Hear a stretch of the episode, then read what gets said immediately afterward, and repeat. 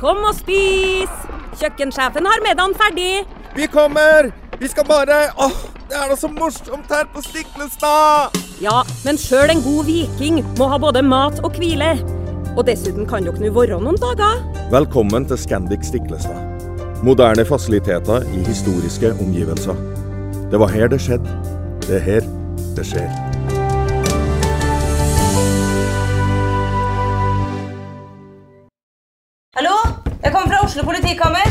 Ine Jansen er purk. Er du purk? The motherfucking bitch. Alt jeg vil, er å finne ut hva som skjedde med mannen min. Jon Carew. Er jeg sikta for noe? Iben Akeli. Det er du. Ole So, Lars Berrum og Big Daddy Karsten. Hvem sin side er du på, egentlig? Anette Hoff, Tone Danielsen, Kommer du fra Afrika? Jørnis Josef, Nesten. Kløfta. Trond Espen Seim, Det er synd å si det, men det var feil mann som døde. Purk. Premiere tirsdag på TV2 Play.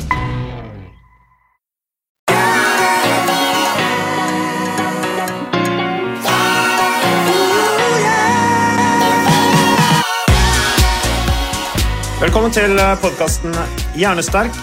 Ole Petter, vi har eh, fått eh, innspill fra engasjerte lyttere som har sett på Debatten på NRK.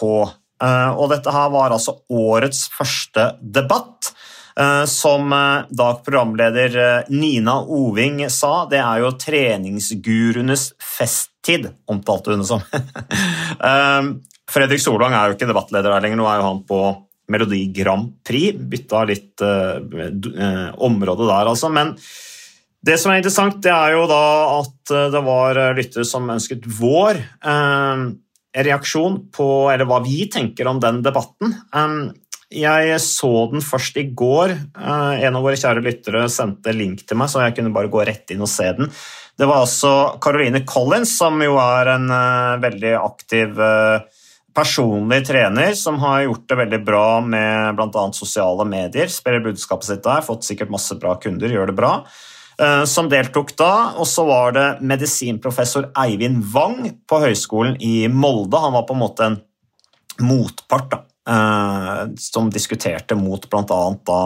Caroline Collins, og så var det Stian Staysman eh, Torbjørnsen som kom inn underveis i debatten på en eh, videolink som fortalte om sin opplevelse av å delta på 16 ukers helvete som går på TV Norge. Og så var det Torkel Færø, som har vært gjest på podkasten vår. Han var innom der og snakket om dette med pulsklokker. Han ble jo også angrepet litt da, av bl.a. Henrik Børsting Jacobsen, eh, som er psykolog og førsteamanuensis ved Universitetet i Oslo, som da sammen med med Eivind Wang, da, medisinprosessoren, de var på en måte en slags sånn motpart.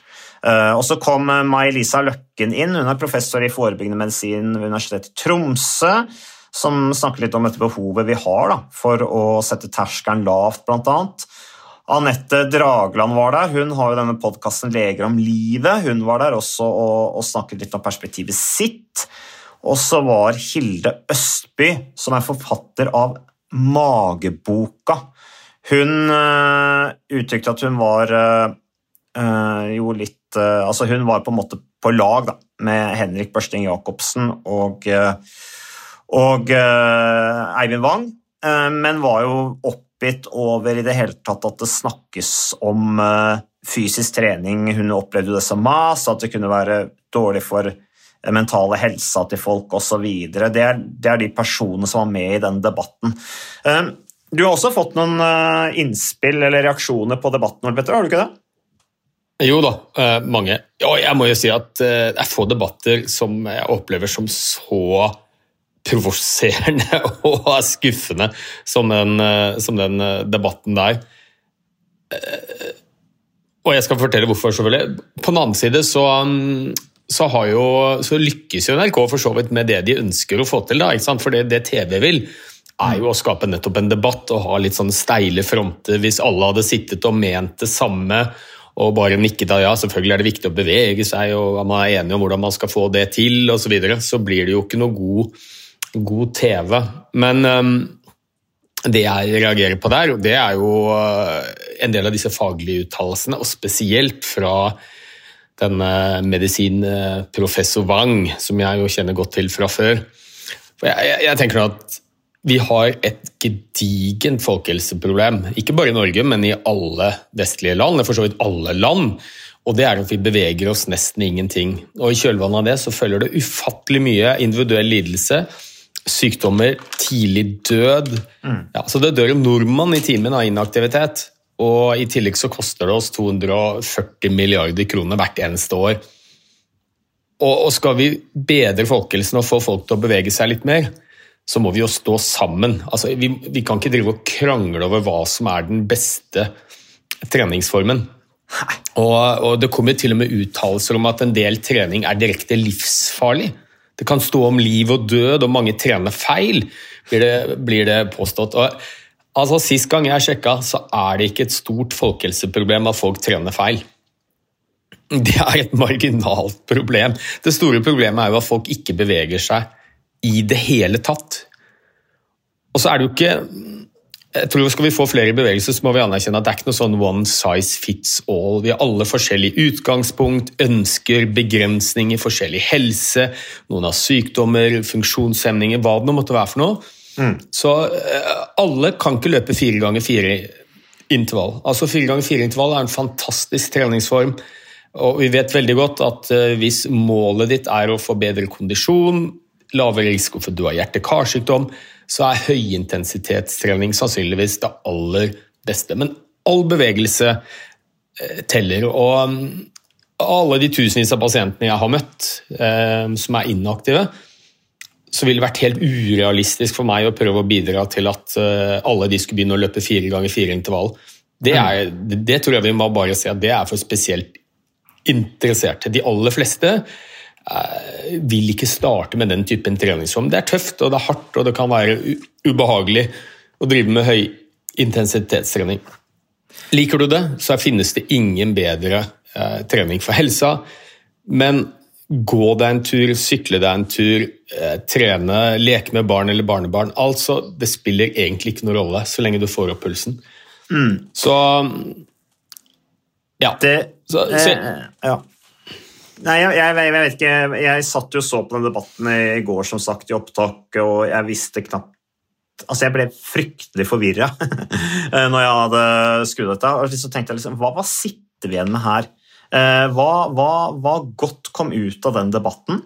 Um, og, og, og, hvorfor så steile fronter uh, mellom så mange parter som alle ønsker økt engasjement for god folkehelse, eh, og som, som, som, alle brenner for det samme, at vi trenger å være mer fysisk aktive, bortsett fra da kanskje Hilde Østby, da, som jo uttrykte at, at fysisk aktivitet og, og, snakk om fysisk aktivitet kunne føre til spiseforstyrrelser og anoreksi, og det, det, det er jo litt uheldig. Det gjør jo det er jo å sette veldig på spissen, etter min, etter min mening. da. Men bare for å første med fire ganger fire minutters intervaller. Eh, jeg syns jo det er litt interessant eh, Min far han har jo eh, for lenge siden meldt seg inn i foreningen mot fire ganger fire minutters intervaller. Det er hans eget initiativ, selvfølgelig. Han har ingen andre medlemmer enn seg selv. Det er ikke en offisiell forening, men han mente jo at det var altfor mye prat om fire ganger fire minutters intervaller, og at all, all, form for aktivitet hjelper, litt sånn som det du sier, at alle skulle plutselig drive og løpe fire ganger fire minutters intervaller. Eh, og, og du, du, du, sier at det er en fantastisk intervallform. Det er klart at det er jo intensiteten som er, er, poenget her, og det sier de jo også, en av disse forskerne, enten om det er Henrik Børsting Jacobsen eller om det er, eh, om det er han andre Eivind Wang som sier det, at det er først og fremst et godt begrep. Og Jeg husker jeg også var i en paneldebatt med Helgerud, som jo er en av, av de som har funnet opp fire ganger fire minutters intervaller. og Eh, oppe i Trondheim for mange år siden. Han også innrømmet eller sa jo da at ja, om det er to minutter eller tre minutter eller fem minutter det er liksom Fire ganger fire er noe alle husker, da. Så det er på en måte blitt kommersielt salgbart på den måten. Så, så eh, jeg er jo nesten overraska at man snakker så mye om fire ganger fire intervaller eh, enda, men det er for så vidt ikke eh, det diskusjonen her handler om. Det som er viktig, eh, og som jeg var litt inne på, det var det at man blir bare forvirra av å følge med på den eh, debatten. Eh, og, og det, det, det, blir en sånn diskusjon Mitt inntrykk var at jeg satt igjen med at dette her er jo egentlig en diskusjon om hvem som har rett til å mene noe om fysisk aktivitet. eh, og at, at det er en, en, et spørsmål om hvem som har fasiten på hva man skal gjøre. Eh, og jeg syns jo forskerne kom litt sånn dårlig ut. Nå er jo ikke de her til å forsvare seg på, på podkasten vår, så vi skal være litt forsiktige med, med, med, med å, å, angripe folk personlig, men jeg oppfatter det som litt sånn arrogant. Eh, det syns jeg. Ja, altså, jeg oppfatter det klart og tydelig. Jeg, jeg forsker selv og um, jobber jo med dette. Og jeg opplever det som virkelig sånn akademisk og faglig arroganse og snobberi. Som gjør at folk flest blir forvirra. Og det er det jo siste vi trenger nå. Det er at folk blir usikre på om de trener riktig, om de velger gal aktivitetsform, gal intensitet. Og det vi vet helt sikkert, det er at absolutt all bevegelse er bedre enn ingenting. Og Problemet i befolkningen i dag er jo at de aller fleste gjør så godt som ingenting. Så, og så styrer vi jo, eller har vi jo forskjellige mål på intensitet, altså hvor slitne vi blir. Og Der er det forsket ganske mye på hvilken type intensitet gir den største gevinsten. Eh, og når vi snakker om gevinst, og det er litt viktig å huske på her, fordi han Eivind Wang sa jo flere ganger at veldig mye av treningen som gjøres, har ingen gevinst, altså det har ingen effekt. Og før du skal begynne å snakke om effekt, så må du også snakke om hva du måler, altså hva er det det har effekt på. Mm. Og det er litt viktig når vi snakker om fire ganger fire og høyintensitetstrening versus lavintensitet osv. Så, videre, så er det stort sett, stort sett, et par ting forskerne har målt. og Det er effekten på VO2 max, altså kondisjon, maksimalt oksygenopptak. Og Det vet vi veldig godt, at kondisjon er et godt mål på helse. Eh, det andre er dødelighet, og spesielt dødelighet ved hjerte-karsykdommer. Så når forskeren Eivind Wang sier at uh, trening som ikke belaster hjertet, ikke har noen effekt, så er jo det en sannhet med modifikasjoner. Ja, eh, hvis du har en eller annen aktivitetsform som knapt gjør at pulsen går opp, så vil du få veldig liten effekt på oksygenopptak, og sannsynligvis også en eh, ikke så veldig høy effekt på redusert dødelighet ved hjerte-karsykdom. Men det er jo uendelig mange gevinster ved fysisk aktivitet som de ikke har målt. Altså Hva med mental helse? Hva med livskvalitet? Hverdagsfunksjon? Mestringsfølelse? Naturopplevelser? Stressmestring? Alle disse tingene er utrolig viktige for helsen vår. Det har de ikke målt. Sånn at uh, det blir helt feil å si at de ikke har noen effekt. Ja, kanskje har de ikke noe effekt på akkurat det forskerne har målt, men det er utrolig mange andre ting som er viktige. Og når det gjelder disse intensitetsmålene, så vet vi også at hvis du f.eks. deler en trening med lav intensitet, moderat og høy. Lav intensitet er type pratefart, eh, en rask gåtur, rolig joggetur. Du kan holde en uanstrengt prat gående. Moderat intensitet hvor du blir litt mer sliten, men du kan fint holde på inntil en time med aktiviteten. Eller høy intensitet hvor du f.eks. kjører intervall på 90-95 av makspuls. Så vet vi at alle de tre treningsintensitetene gir en helsegevinst. Mm. En formidabel helsegevinst sammenlignet med ikke å gjøre noe. Så kan vi jo gjerne diskutere hvilken av intensitetsformene gir størst helsegevinst. Men det kommer litt an på hva du ønsker å måle også. Men akkurat når det gjelder kondisjon og risiko for du har hjerte-karsykdom, så er det høyintensitetstrening, gjerne intervalltrening, som er mest effektivt. Men om det er fire ganger fire, eller fem ganger tre, eller seks ganger tre, eller kortere intervaller med kortere pauser det blir jo akademisk flisespikkeri. Du skal ikke fortelle meg at fire ganger fire er bedre enn fem ganger tre, eller fem ganger fem, eller fem ganger fire. Så, og jeg tror jeg kan, Det jeg ønsker å oppsummere med, er at hvis du er glad i å trene intervall og trene hardt, helt strålende. Det er supereffektivt på alle mulige helseparametere vi kan måle. Vil du heller gå deg en tur, gjør det. Liker du å trene online hvis det er det som får deg til å møte opp eh, foran skjermen og få gjort det gjennomført en treningsøkt, så velg det. Mm. Er du opptatt av å måle pulsvariasjon som et, eh, en indikator på stress, så for guds skyld gjør det. Men du behøver ikke pulsklokke, du må ikke måle pulsvariasjon. Du klarer deg helt fint uten. Du mm. klarer deg helt fint uten fire ganger fire intervall også. Og du må ikke møte opp fysisk på et treningssenter, du kan gjerne trene online også. Altså Velg det som funker for deg og som du kan klare å få til. Ikke bare i dag, men i morgen, om tre måneder, om seks måneder, om to år. Ja. Det er Nei. mitt budskap. Ja, og Det er et veldig viktig budskap. eh, Og litt sånn tilbake hva jeg satt igjen med da, eh, etter å ha sett den debatten. så stedet, altså, Den burde jo handle om veien videre for folkehelsa. Altså hvor står vi nå, Eh, hvorfor er det sånn, og hva er veien videre. Eh, Så, så ble det Mitt inntrykk var at dette ble en diskusjon om hvem som kan mene noe om fysisk trening, og hvem som er berettiget til å gi råd. Eh, Og, og, og bør vi i det hele tatt mene noe om fysisk trening, og bør vi det hele tatt Eller bør vi heller mene noe om søvn? Det blir helt sånn avspørring. Nei, vi må heller snakke om søvn, vi må heller snakke om sant? Det blir sånn Jo, men helse handler om helhet, og veldig mange sliter med motivasjon til å mosjonere, så hva, hva kan vi gjøre med det? Eh, Det er jo ingen som, som, som altså, Alle vet jo at søvn Men sant, det går ikke an å begynne å snakke ja, men søvn er viktig. sant? Det, sånn blir, det er sånn typisk, eh, og det blir jo da omfavnet av de som kanskje ikke mosjonerer. Ja, men det er jo eh, Hun sier jo at det er viktigere med søvn, eller han sier at det er viktigere med kosthold. Og, og, og så ble det igjen en sånn typisk debatt om vekt. At det handler om i veldig stor grad om vekt. Da. Nå hadde jeg jo inntrykk av alle der på den debatten var enige om at ja, selvfølgelig fysisk trening gir mer, men, men igjen så blir det sånn typisk at fysisk aktivitet blir snakket om i sammenheng med vekt, og da kom jo også Staysman inn, ikke sant?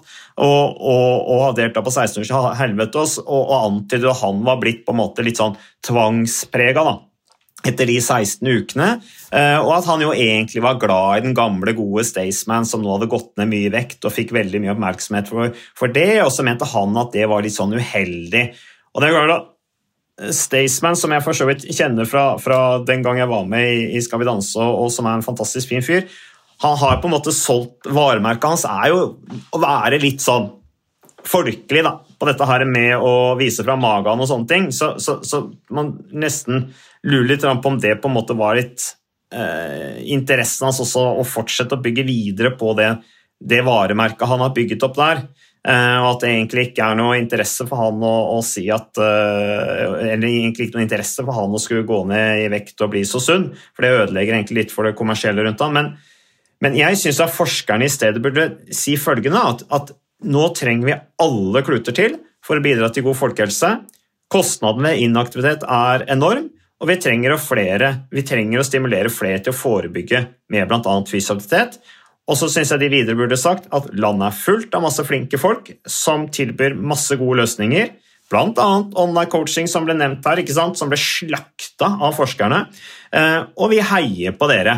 Og vi som forskere vi er der for å bidra gjennom forskningen vår, og denne forskningen håper vi kan kvalitetssikre og styrke det arbeidet alle disse aktørene der ute bidrar med, for å stimulere motivasjonen og hjelpe folk til å komme i gang og fortsette det gode arbeidet med mosjon. Det, det syns jeg forskerne burde sagt. Ja, og jeg er helt enig. Det vi må gjøre, vi må prøve å legge forholdene til rette, sånn at det blir litt lettere for folk å ta de gode valgene. Alle kjenner til de gode valgene, men vi må gjøre det lettere for folk flest å ta dem. Og det gjør vi ikke ved å så tvil om eh, hva slags type trening man skal drive med, om den ene typen er bedre enn den andre. Det kan være en interessant akademisk eh, diskusjon, men for folkehelsa er helt uvesentlig. Den beste treningsøkten det er den du faktisk klarer å få gjennomført. Hjelper lite å ha skrevet ned treningsopplegg med fire ganger fire intervall tre ganger i uka hvis du ikke er motivert for å få det til. Da, da er det bedre å gå 15 minutter. Så all aktivitet funker. Eh, gjerne noe som gjør at du blir veldig sliten, hvis du er motivert for det. Men jeg tror vi må anerkjenne at det er ikke noe for alle. Og, og, spesielt det vi skal vokte oss for, er jo å begynne å snakke om at det er type trening som er direkte farlig og feil. Mm. Ikke sant? Og, det, og, han har jo blitt sitert flere ganger på det, han uh, Wang, at f.eks. crossfit det bør man holde seg unna, iallfall være veldig varsom med. Én, fordi det ikke har noe særlig effekt, men to, fordi det gir gal belastning i feil fase av bevegelsen.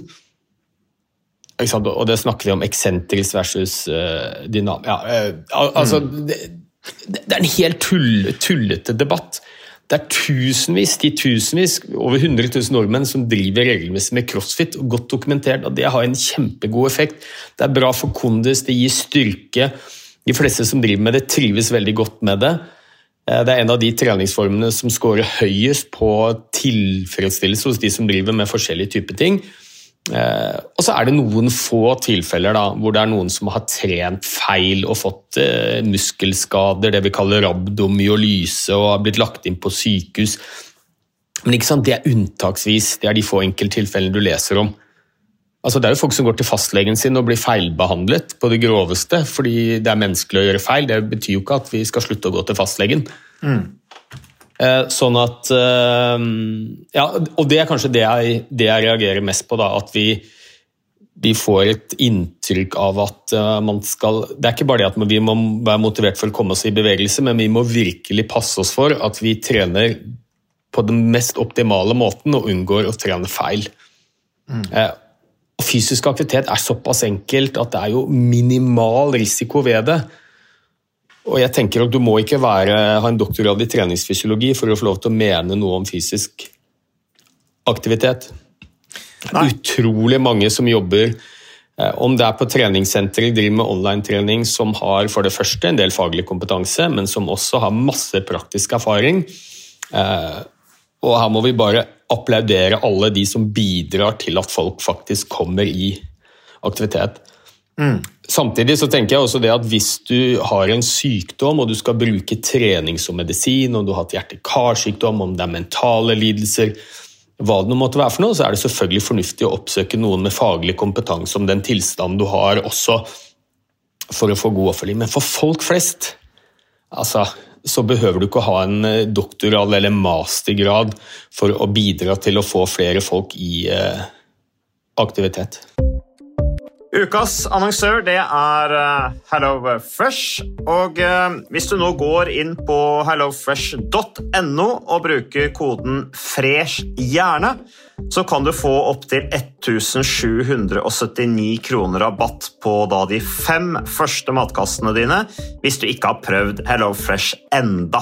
Og Ole Petter, vi er jo glad i Hello Fresh i podkasten Jernsterk, selvfølgelig fordi at de er en annonsør. De er med og bidrar til å spre det glade ordet om fysisk aktivitet og god helse.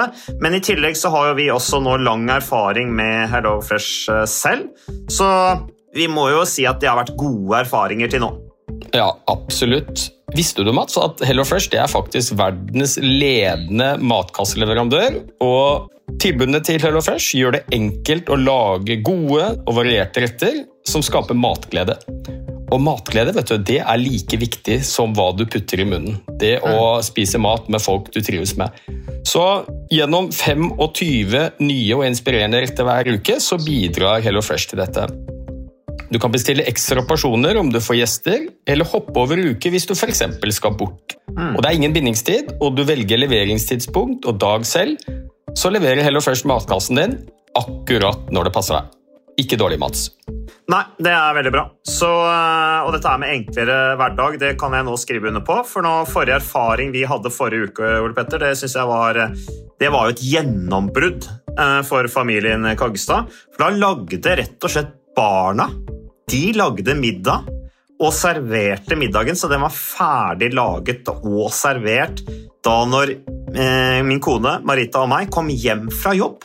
Og jeg mener Det var jo bare helt utrolig. Eh, det var helt fantastisk. Det ble en nydelig middag. Riktignok de, de, de, de roter og søler litt, det gjør de. Så, men, men, maten ble veldig god. De var veldig stolte over å kunne ha både laget og servert maten, så det var helt fantastisk. Så vi har jo da i siste så har vi eh, spist eh, bl.a.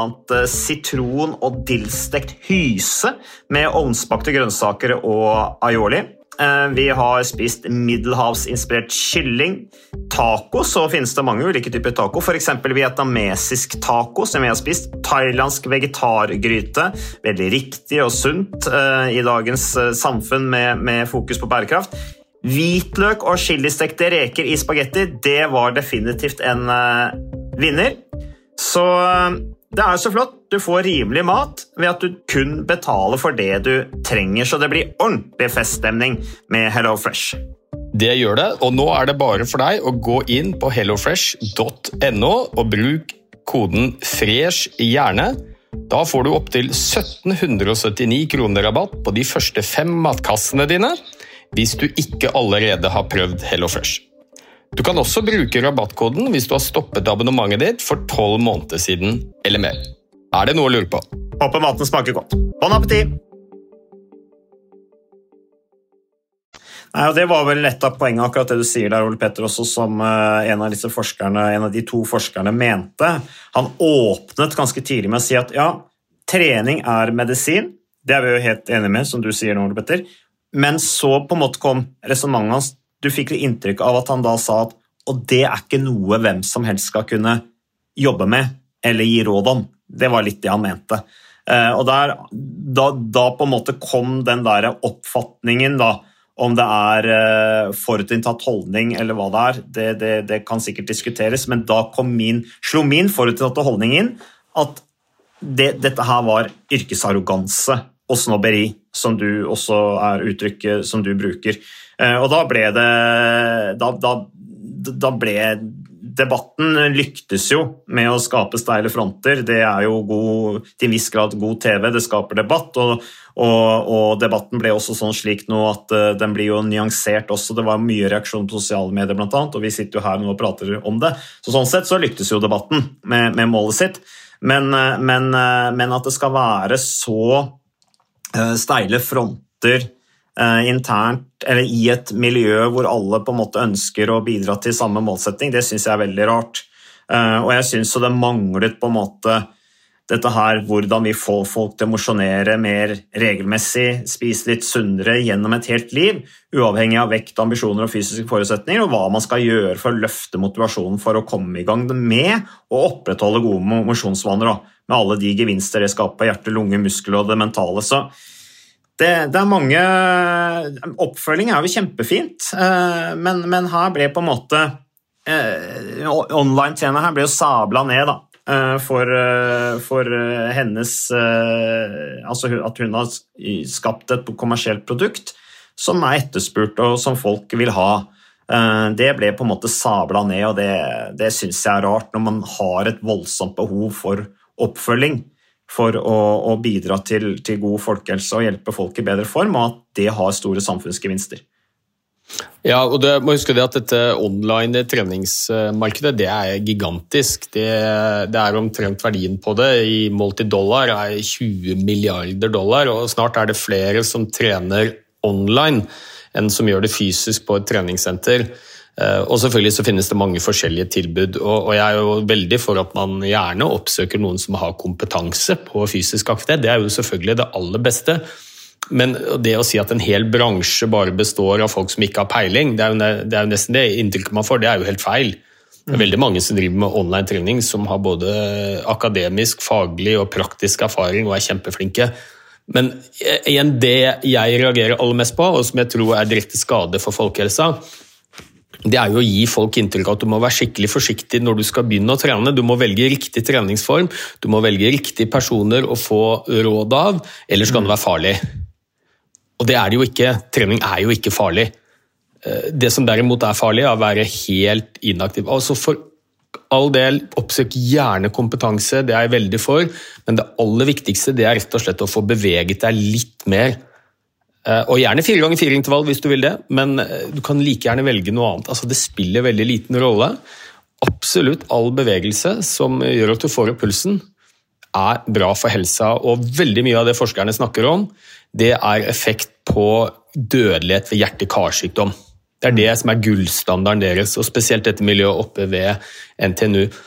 Og jeg har jo fulgt opp, opp tusenvis av pasienter over mange, mange år som, som, fastlege, og når jeg spør mine pasienter hva er det som motiverer dem for å være i aktivitet, så har jeg ennå ikke hørt noen si jo, jeg er ute og beveger meg, for da får jeg 40 reduksjon i risiko for å få et hjerteinfarkt.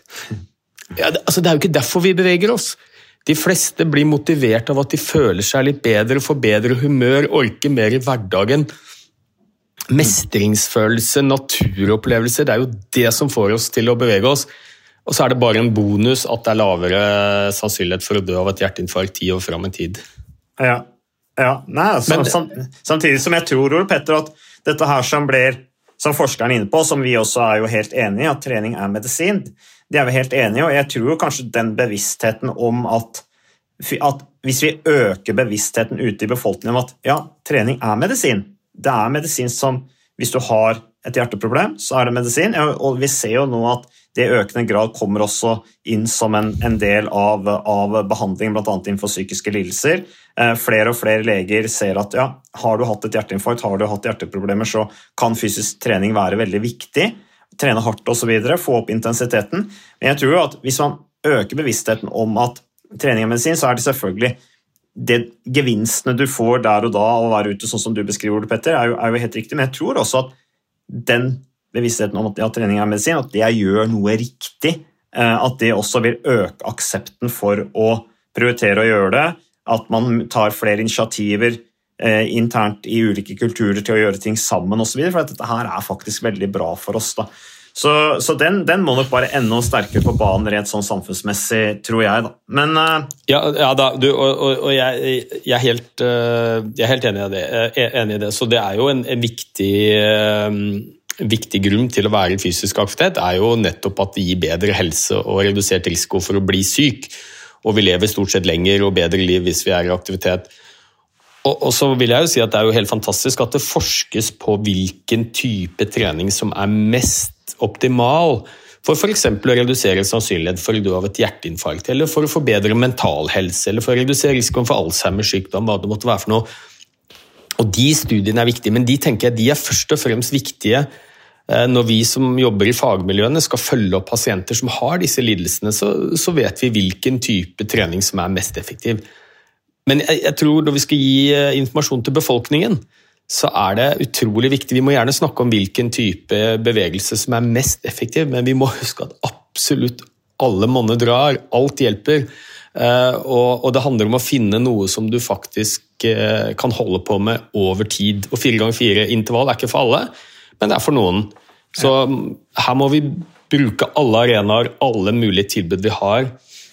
En ting som var veldig positivt da, synes jeg, i denne debatten, det var jo at det virket å være enighet om at det å ha noen kilo ekstra sammenlignet med denne BMI-skalaen, om du havner i normalvekt eller overvekt osv., at det å ha noen kilo ekstra Mm. Om du handler i overvektkategorien f.eks., som flere millioner nordmenn har, er, det har ikke så mye å si for helsa. Nei, det, Nei, det var de veldig enige om. Ja, og, og, og, det tror jeg er utrolig viktig, at vi må vri fokuset vekk fra vekt og over på helse. Det viktigste er å, å bevege seg, få litt søvn, få nok søvn. Mm. Prøve å spise rimelig sunt, sosiale relasjoner, alt dette her. Og så er det mer, mye mer uvesentlig eh, hva pilen på, på vekta viser. Ja, og det ene utelukker ikke det andre. ikke sant? Eh, det er ikke sånn fordi at du spiser sunt, så skal du ikke mosjonere, eller fordi du mosjonerer, så skal du ikke være ikke alt, alt, alt, bidrar. Det er en helhet rundt helse. Eh, men du var litt inne på dette her med, med, med vekt, og at de var enige om at noen kilo ekstra eh, ikke gjør noe for helsa.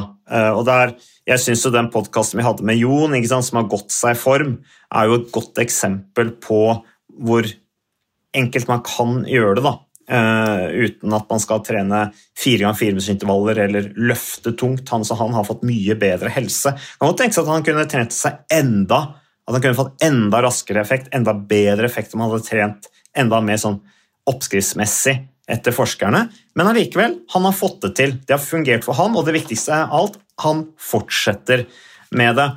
Men tilbake til dette her med, med, med vekt Eh, her eh, Hilde Østby, forfatteren av Mageboka, som også kom inn i debatten.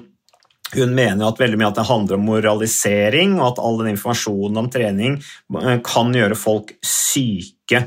Hvorfor kan vi ikke få lov til å være tjukke i fred? Hun, jo da, hun mente jo da at magefettet kommer særlig fra emosjonelt stress og ensomhet.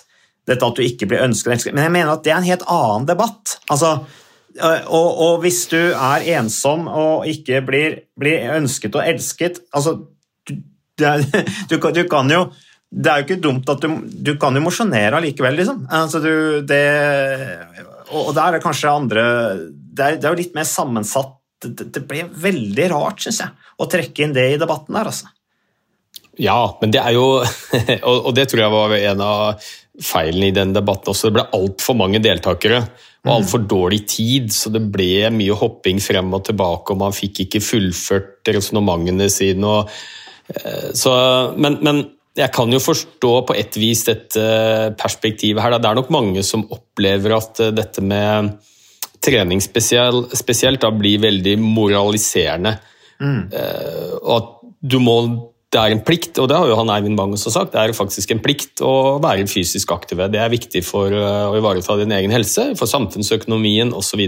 Mm. Jeg kan jo skjønne at uh, hvis du er en av de som sliter med å være i bevegelse og faktisk har noen kilo ekstra, så er du helt normal. Altså, vi lever i et samfunn hvor det er blitt vanskeligere og vanskeligere å ivareta hverdagsaktivitet. Vi trenger ikke lenger å bevege oss. Og vi lever i et samfunn som er veldig fedme-framprovoserende. Ved at selvfølgelig den eh, mest usunne maten er mest tilgjengelig og, og billigst og mest tilgjengelig. Så og, og, og, da kan jeg forstå at mange føler at uh, det blir litt sånn moralsk pekefinger når de sier at du må bevege deg og du må være normalvektig. Um, men samtidig så tror jeg det handler mye om hvordan, hvordan, vi kommuniserer dette her. Og vi har jo snakket mye om det, Mats, at mm. kanskje skal vi ikke snakke om trening. Og, og, og, det er klart For en litt sånn inaktiv pasient eller person med overvekt, når det sitter noen akademikere og snakker om at fire ganger fire intervall er det som skal til, Eh, så skjønner jeg jo godt at man blir frustrert. Eh, jeg tror vi må legge lista på et helt annet nivå hvis vi skal nå folk flest. Snakk om bevegelse, hverdagsaktivitet. Det tror jeg, de, det tror jeg de færreste finner moraliserende. Viktigheten av det. Mm. Og så er det jo et veldig viktig poeng at dette med overvekt og fedme det handler om veldig mye. og Det handler om følelser, og det handler om ensomhet og det handler om stress. To veldig viktige grunner til at mange har overvekt eller fedme. Så det er også ting, eh, ting vi må ivareta. Så, så, det jeg støtter henne på, er jo ja, jeg tenker det er helt greit at folk er tjukke, for det var det hun sa. La oss mm. Eh, tjukke være tjukke. Men jeg tenker likevel vi har en plikt til å informere og prøve å bidra til at folk eh, får det litt lettere til å ta gode valg for sin egen helse. Jeg har ennå til gode å møte noen som ikke ønsker god helse. Men god helse er ikke ensbetydende med å være slank. Og, Nei, dårlig, helse en, og dårlig helse er ikke ensbetydende med overvekt eller fedme. Vekten din sier fint lite om helsa di, og sier enda mindre om deg som person. Du er ikke lat eller umotivert fordi du har overvekt eller fedme. Eh, sannsynligvis er du helt normal. Og, og, Det er faktisk vanskelig å holde normal vekt i et samfunn hvor vi ikke lenger trenger å bevege oss, og hvor eh, det er så utrolig lett å få tak i alle mulige kalorier. Det er vi faktisk ikke laget for å motstå. Nei, og det, det, handler jo om å gjøre riktige valg her, da. Altså hvis du er ensom og deprimert, eh, hvordan kan du ha det bedre i livet til tross for den tilstanden du er i?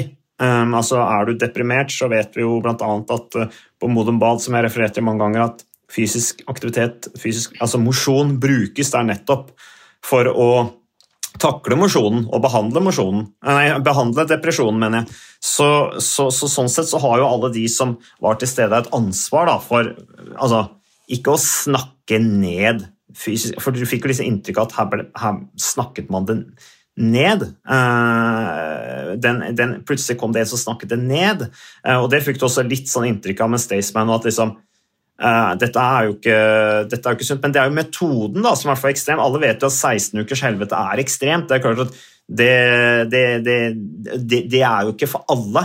Uh, det er jo et underholdningsprogram først og fremst som gir noe, noe kunnskap uh, på en eller annen måte, uten at jeg kan gi det i detalj nå, men, men, men det, er først og fremst underholdning. Og så er det jo selvfølgelig ekstremt 16 uker, og skal folk råtrene og plutselig gjøre store endringer. Det som hadde vært spennende, var jo å se hvor mange av de som kvarter klarer å opprettholde disse vanene de skal etablere da, i løpet av disse 16 ukene. Ja, ja, og det er, jo, det er, jo, oppskriften på hvordan man ikke skal uh, lykkes. Uh, og det er jo som du sier, dette er TV. Det skaper jævlig god TV. Mm.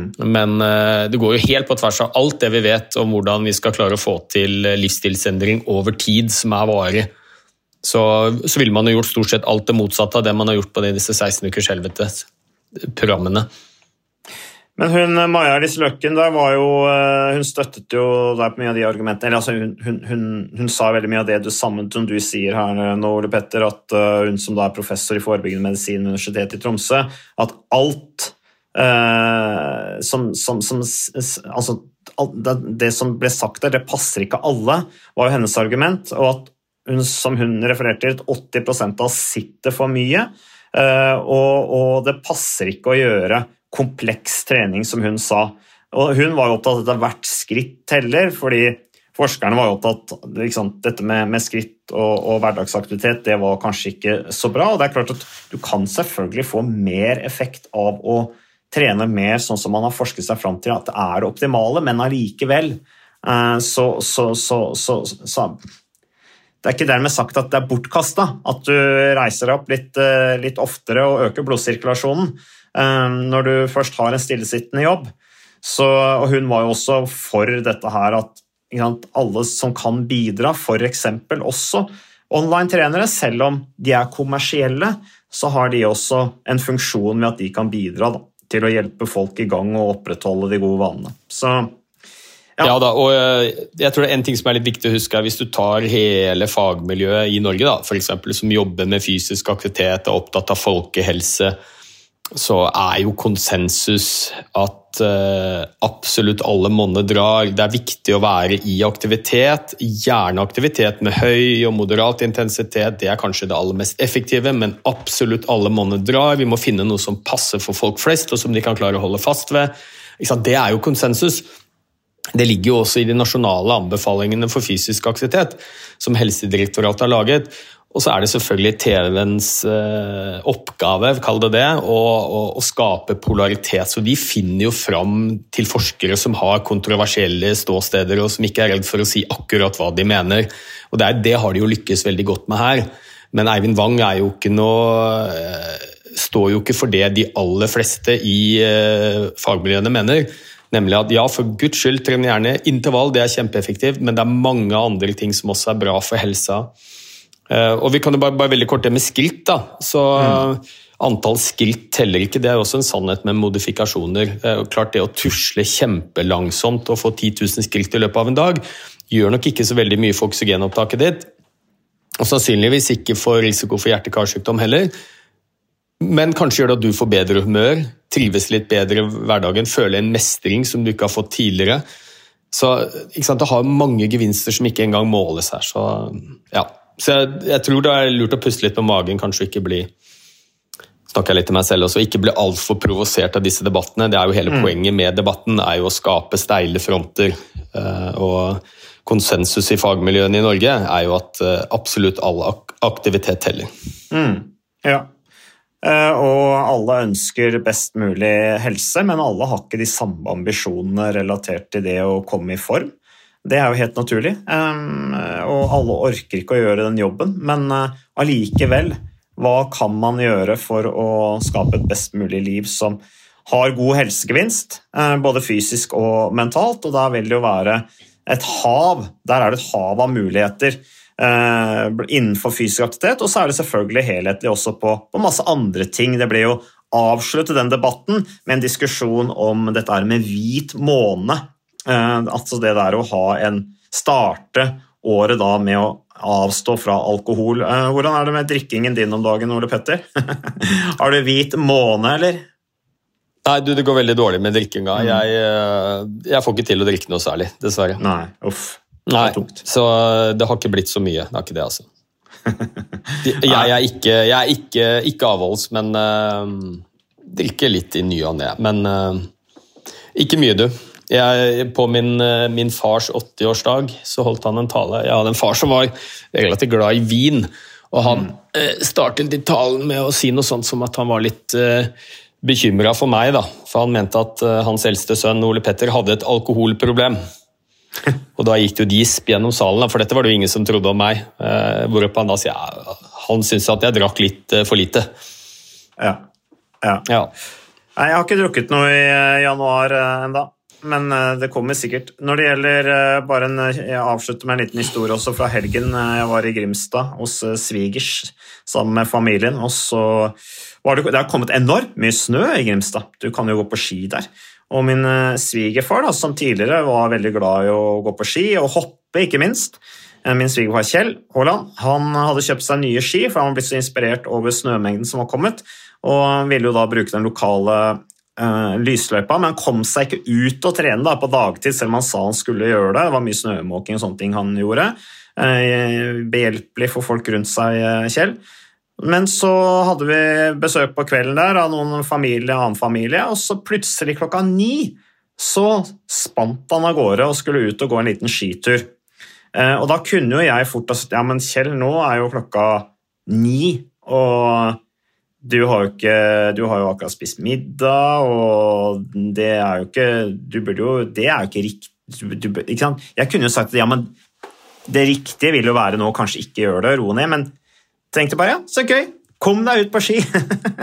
og han kom tilbake full av gnist. Og det verste var jo da at dagen etter så dro han ut og gikk på ski klokka åtte igjen. Um, og da kunne jeg jo sagt at nei, det bør du ikke gjøre. Men ikke sant? så gøy! Man var inspirert, kom seg ut på ski, og han hadde veldig mestringsfølelse. Men så er det helt sikkert opp, og Teoretisk så er det helt sikkert veldig mange andre måter han burde gjort det på, men det var sånn han gjorde. Og det ga fin gevinst for ham, både fysisk og psykisk. Det er tross alt det viktigste. Ja, du, og det, Jeg liker veldig godt det ordtaket som sier 'ikke la det perfekte bli det godes fiende'. Uh, det er jo sånn på alt mulig i dag. Vi har så mye informasjon, så det finnes uh, teoretisk optimale treningsøkter og treningsopplegg og kosthold og søvnregimer og gudene vet. Men, men det er jo egentlig bare tullete, fordi at uh, det, er jo, det, er jo, uoppnåelig. Det er ingen som får til det. Ingen, og, og, og, Det går litt tilbake til det du sa, Mats. Skal vi trene eller skal vi spise sunt eller skal vi passe på søvn? Hva er det vi skal velge? Og, og jeg tror En god måte å tenke på det er jo at eh, summen av helsa di, livskvalitet for den saks skyld også, det er 100% Og så er det ganske mange faktorer som påvirker og som går inn i de 100% Noe av det er bevegelse, noe av det er søvn, noe av det er kosthold, noe av det er sosiale relasjoner. Eh, og det er klart, De påvirker hverandre, så det er jo summen som er viktigst. Det er jo ikke det ene eller det andre. Må prøve å gjøre så godt vi kan på alle de tingene som eh, påvirker totalsummen. Mm. Ja. Eh, og det er jo ikke sånn at hvis du, hvis du, spiser sunt, så kan du drite i alt mulig annet. Eller hvis du har sovet litt lite, så bør du kanskje glemme å trene. Eller, nei, altså, det er jo summen som betyr noe. Ja, og så plutselig nei, vi må heller snakke om sosiale relasjoner. Ja, men La oss snakke om eh, helheten. Eh, og, og den debatten den handla om fysisk aktivitet, og der er det fremdeles en eh, stor jobb å gjøre. Og vi heier på alle tiltak. Alle som var med, deltok i den debatten, er sikkert egentlig ganske enige. Men det ble en flott debatt, for det ble skapt steile fronter. Og såpass steile fronter og mye reaksjoner at vi diskuterte det her på podkasten Jernsterk. Så takk for ditt bidrag, Ole Petter. Takk til deg som lytter på podkasten. Takk til våre samarbeidspartnere. Takk til sosiale medier. Og vi er tilbake med mer podkasten Jernsterk neste uke.